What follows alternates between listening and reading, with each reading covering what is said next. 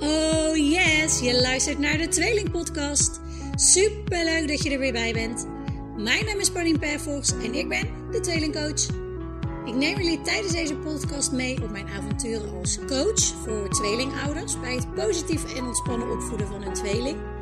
Maar ik vertel natuurlijk ook alles over mijn eigen ervaringen als tweelingmama. Onze één eigen meisjestweeling is vijf.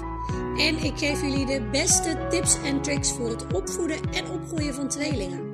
Want een tweelingenhuis is superleuk en bijzonder, maar brengt ook wel wat uitdagingen met zich mee. Ik heb er heel erg veel zin in. Ik hoop jullie ook. En ik wens jullie super veel luisterplezier. Oké, podcast nummer 2. Superleuk dat jullie weer luisteren. En vandaag gaan we het in de podcast hebben over hoe tweelingen samen de wereld ontdekken. En het is echt een superleuke manier natuurlijk om de wereld te ontdekken, wetende dat je dat eigenlijk nooit alleen hoeft te doen. En het voordeel van een eh, tweelingzus of tweelingbroer is nou eenmaal dat je altijd een maatje hebt om samen mee op ontdekkingstocht te gaan. En nou ja, weet je, onze meiden zijn natuurlijk ook tweeling, een-eiig. En zij hebben ook altijd dat maatje bij zich. En dat is echt superleuk. En soms vergeet ik gewoon hoe groot dat ze al zijn. En dan gaan ze er in één keer samen vandoor. En dan nou ja, dan sta ik perplex en dan ben ik trots en dat vind ik heel erg spannend. En dan, uh, nou ja, ik heb ze het liefst gewoon onder mijn eigen vleugels. Maar ja, zo werkt het nou eenmaal niet. Dat weten jullie ook. Hoe groter dat ze worden, hoe meer vrijheid ze nodig hebben en ook gaan opzoeken. En uh, nou, daar gaan we het vandaag eens eventjes over hebben. Want eind maart hadden wij het perfecte voorbeeld hiervan. En um, nou even voor jullie verbeelding. Het is nu redelijk grijs buiten. Het is augustus. Uh, maar toen was het wel zomer. En wij gingen samen met uh, nou ja, mede-tweeling, mama, vriendin. Uh, gingen wij lekker naar de Loons en Drunense Duinen. Is echt een hele mooie plek hier. Nou ja, 15 minuutjes fietsen vandaan. Combinatie van duinen, bos en heide. En nou, is echt een hele fijne plek om te wandelen, om te picknicken, om gewoon te spelen. Er zit een lekker restaurant bij.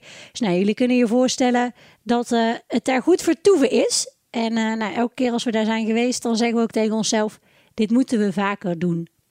Um, we waren dus samen met, met een vriendinnetje.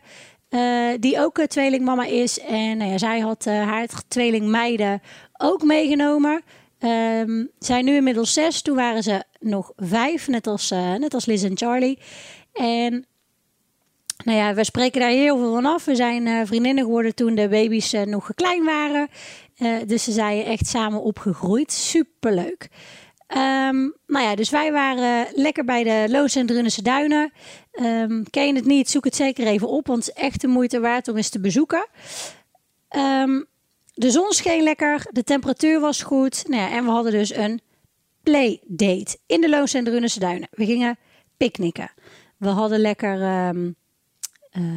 thee mee. We hadden thee meegenomen, drinken, uh, fruit, uh, groenten, snoepjes uiteraard. Um, en uh, nou, de, de, twee tweelingen, die konden lekker gaan, gaan spelen. Um, nou, je kan je ook wel voorstellen hoeveel reactie dat wij krijgen en hebben gekregen als wij met die vier meiden op pad waren. ook hun tweeling is één-eiig.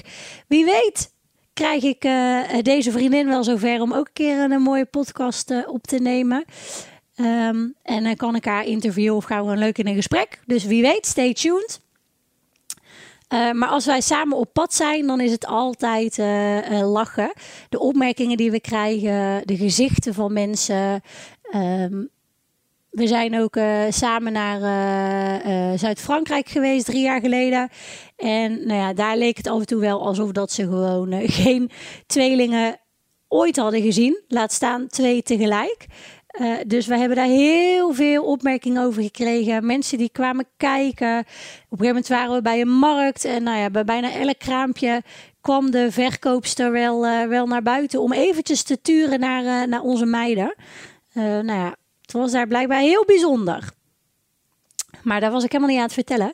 Ik was aan het vertellen over onze playdate. In de bossen, picknicken. Uh, nou, we zaten een poosje op echt een heel fijn plekje, lekker in de zon. we hadden een kleedje mee en de kids waren aan het spelen. Ehm, we hadden natuurlijk een voetbal mee, schepjes, emmertjes. En ze konden lekker, lekker aan de gang zandkastelen bouwen en voetballen. En het was één groot feest. Nou, je moet je even voorstellen dat de Loos en Drunense duinen, wij zaten in het, uh, in het duingedeelte, dus veel zand. Ook met heuvels, klimbomen, echt heel erg leuk. En um, nou, het is een groot uitgestrekt gebied. En nou ja, naarmate dat de meiden natuurlijk groter worden, gaan ze meer op ontdekking.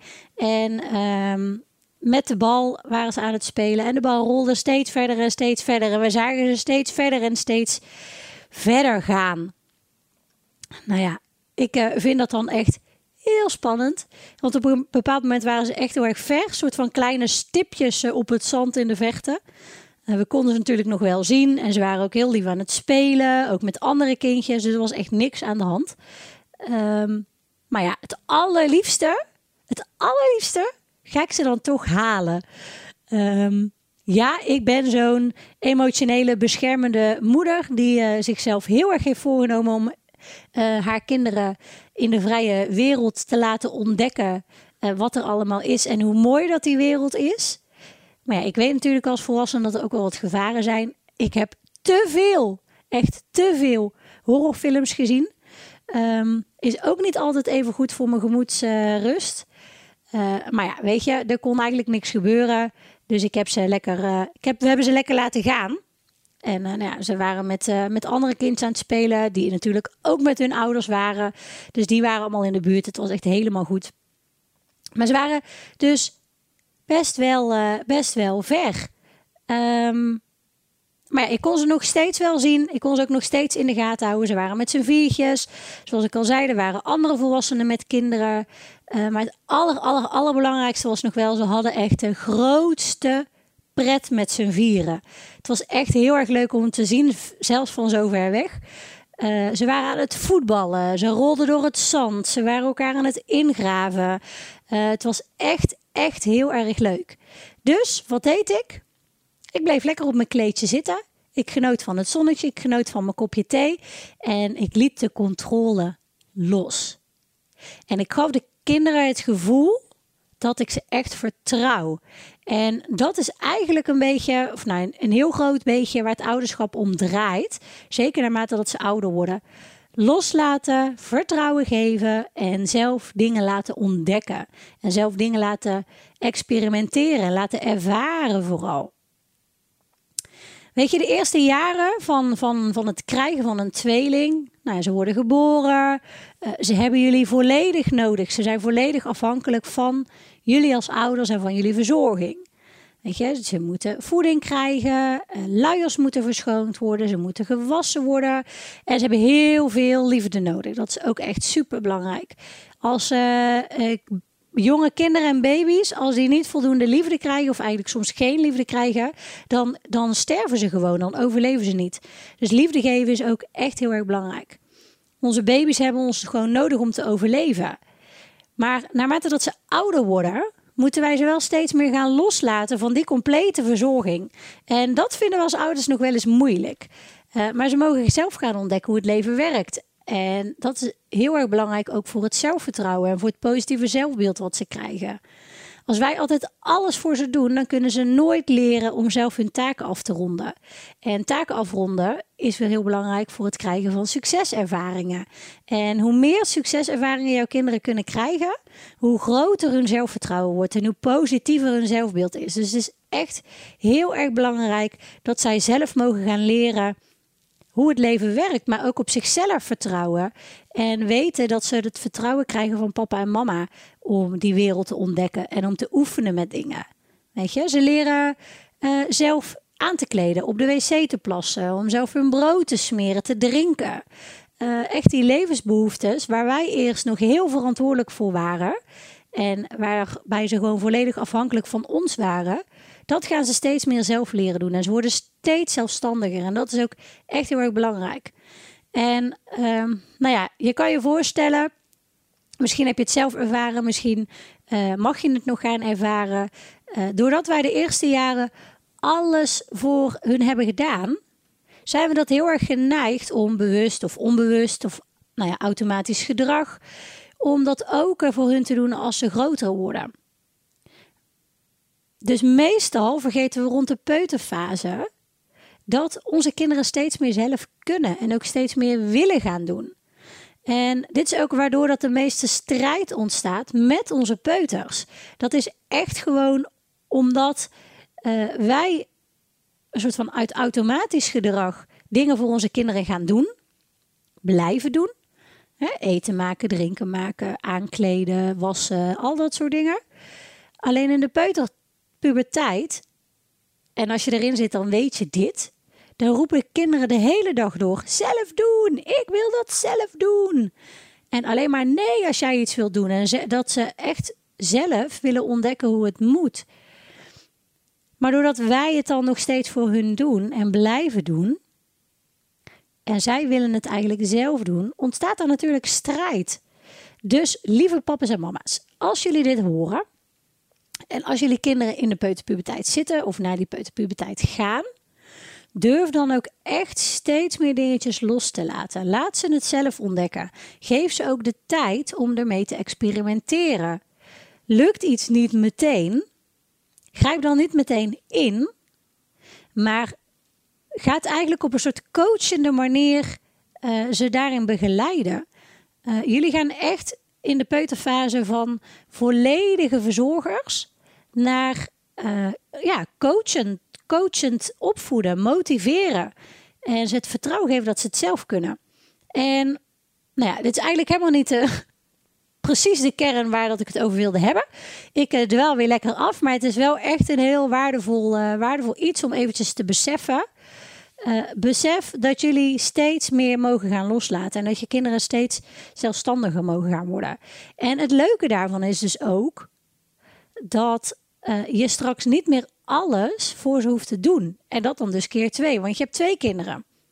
Eh, dus je gaat echt, als je nu even tijd investeert in ze te helpen met dingen te leren, zelf te doen, te coachen bij die dingen, dan gaan ze dat op een gegeven moment zelf kunnen. En hou jij tijd over. Maar ja, we hadden het over de wereld ontdekken en die vrijheid ontdekken. En nou ja, onze meiden gingen dus steeds, steeds verder weg. En um, dat ging helemaal goed en ze hadden de grootste pret. En um, nou ja, dan laat ik ze ook maar gewoon. Het is heel erg belangrijk voor hun zelfstandigheid en ook voor hun zelfvertrouwen. Als uh, zij ontdekken dat ze steeds meer kunnen zonder papa en mama, dan voelen ze zich zo ontzettend groot en stoer en sterk en zelfverzekerd. En dat is ook met, met dus op ontdekking gaan in zo'n Loons en Drunense Duinen. En om maar gewoon die bal te gaan volgen. En Weet je, wij hebben ook altijd wel afgesproken, zolang je mij nog kan zien en ik jou nog kan zien, is het goed. En dan mag je gewoon gaan. En hoe meer dat wij onze kinderen de vrijheid geven en hoe meer dat wij ze ook het vertrouwen geven dat ze het zelf kunnen, hoe beter zij hun best gaan doen om dat vertrouwen niet te schaden. Want de liefde die onze kinderen voor ons hebben gaat zo diep. Zij doen nog alles aan om te voorkomen dat wij teleurgesteld in hun zijn of dat wij ontevreden over hun zijn. Dus zij proberen het voor ons zo goed mogelijk te doen. Dus als wij hun het vertrouwen geven, dan zullen zij er alles aan doen om dat vertrouwen niet te schaden. Maar hoe strenger wij voor onze kinderen zijn en hoe meer wij ze soort van vastklampen, onder onze vleugels houden, hoe rebelser zij gaan worden en hoe meer strijd je gaan hebben. En weet je, zo werkt het nou eenmaal ook. Um, ik heb ook wel eens ergens gelezen dat je je kinderen tot een jaar of 12, 13 kan opvoeden. Dat je hen tot die leeftijd normen en waarden kan meegeven. Uh, en, en ze dus kan, kan opvoeden en dingen kan bijbrengen. Hoe het hoort, hoe het niet hoort, al dat soort dingen. Uh, maar vanaf die leeftijd, 12, 13, 14, moet je hen eigenlijk gaan loslaten. En moet je ze steeds meer gaan zien als gelijken. En je moet ze het vertrouwen gaan geven. En eigenlijk dus ook je eigen opvoeding uh, vertrouwen geven. Van we hebben het goed gedaan. En we vertrouwen onze kinderen uh, in bepaalde in, in de situaties en in de wereld. En um, nou ja, als je ze dat kan geven, ja, dan, dan is de kans heel klein dat ze dat echt gaan, uh, gaan uh, beschadigen, dat vertrouwen wat ze krijgen. Want wat ik al zei, eigenlijk meestal doen kinderen er alles aan om hun ouders tevreden te stellen. En dat herken je misschien van jezelf ook, ik in ieder geval wel. Um, je wil gewoon dat je ouders ook gelukkig zijn. Zoals je wil dat je kinderen gelukkig zijn, zo wil je ook als kind zijn dat je ouders gelukkig zijn. Um, nou ja, wat hier wel belangrijk is om, uh, om te zeggen, dus vanaf 12, 13 zo, mag je ze echt los gaan laten, mag je ze steeds meer gaan zien als gelijken. Ze worden natuurlijk ook volwassen. Uh, op, nou ja, dan nog niet echt, maar ze beginnen richting de volwassenheid te gaan. En um, ja, je mag ze dus ook steeds wel meer als volwassenen gaan zien met de verantwoordelijkheden die daarbij horen. En dat betekent niet dat je echt naast hen moet gaan staan, want nou ja, systemisch gezien, ik weet niet of je wel hebt gehoord van familieopstellingen, maar systemisch gezien blijven wij de grote, altijd. En onze kinderen blijven altijd de kleine. Hoe oud we ook worden, ook als ze ons ooit hè, als mantelzorgers gaan verzorgen, wij zullen altijd de grote zijn voor onze kinderen en zij zullen altijd de kleine voor ons zijn. En uh, dat is eigenlijk hetzelfde zoals wij altijd de kleine zullen zijn voor onze ouders.